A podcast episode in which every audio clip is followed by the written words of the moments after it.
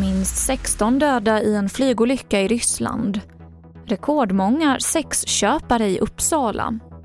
Och Trafikverket i bråk i Norrland om väghastigheter. TV4-nyheterna börjar med att minst 16 personer omkom i en flygolycka i den sydvästra delen av Ryssland när ett mindre flygplan med fallskärmshoppare kraschade.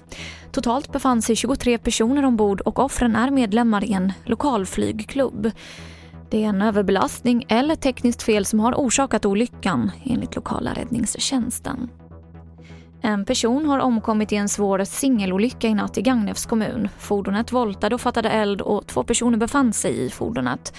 Det finns misstanke om grov vårdslöshet i trafik men det är oklart vem den misstanken riktas mot.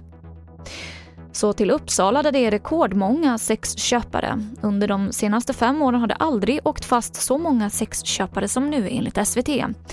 145 män har sedan 2015 dömts eller fått strafföreläggande för att ha köpt sex i Uppsala. Utöver det väntar sju män antingen på rättegång eller dom.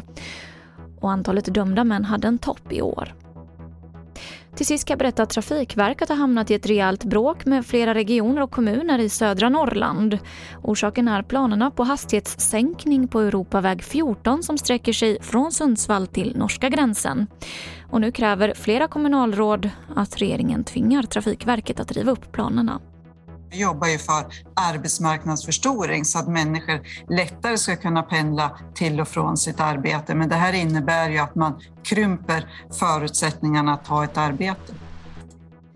Det sa Bodil Hansson som är kommunalråd i Sundsvall. Fler nyheter hittar du i vår app TV4 Nyheterna. I studion, Emily Olsson.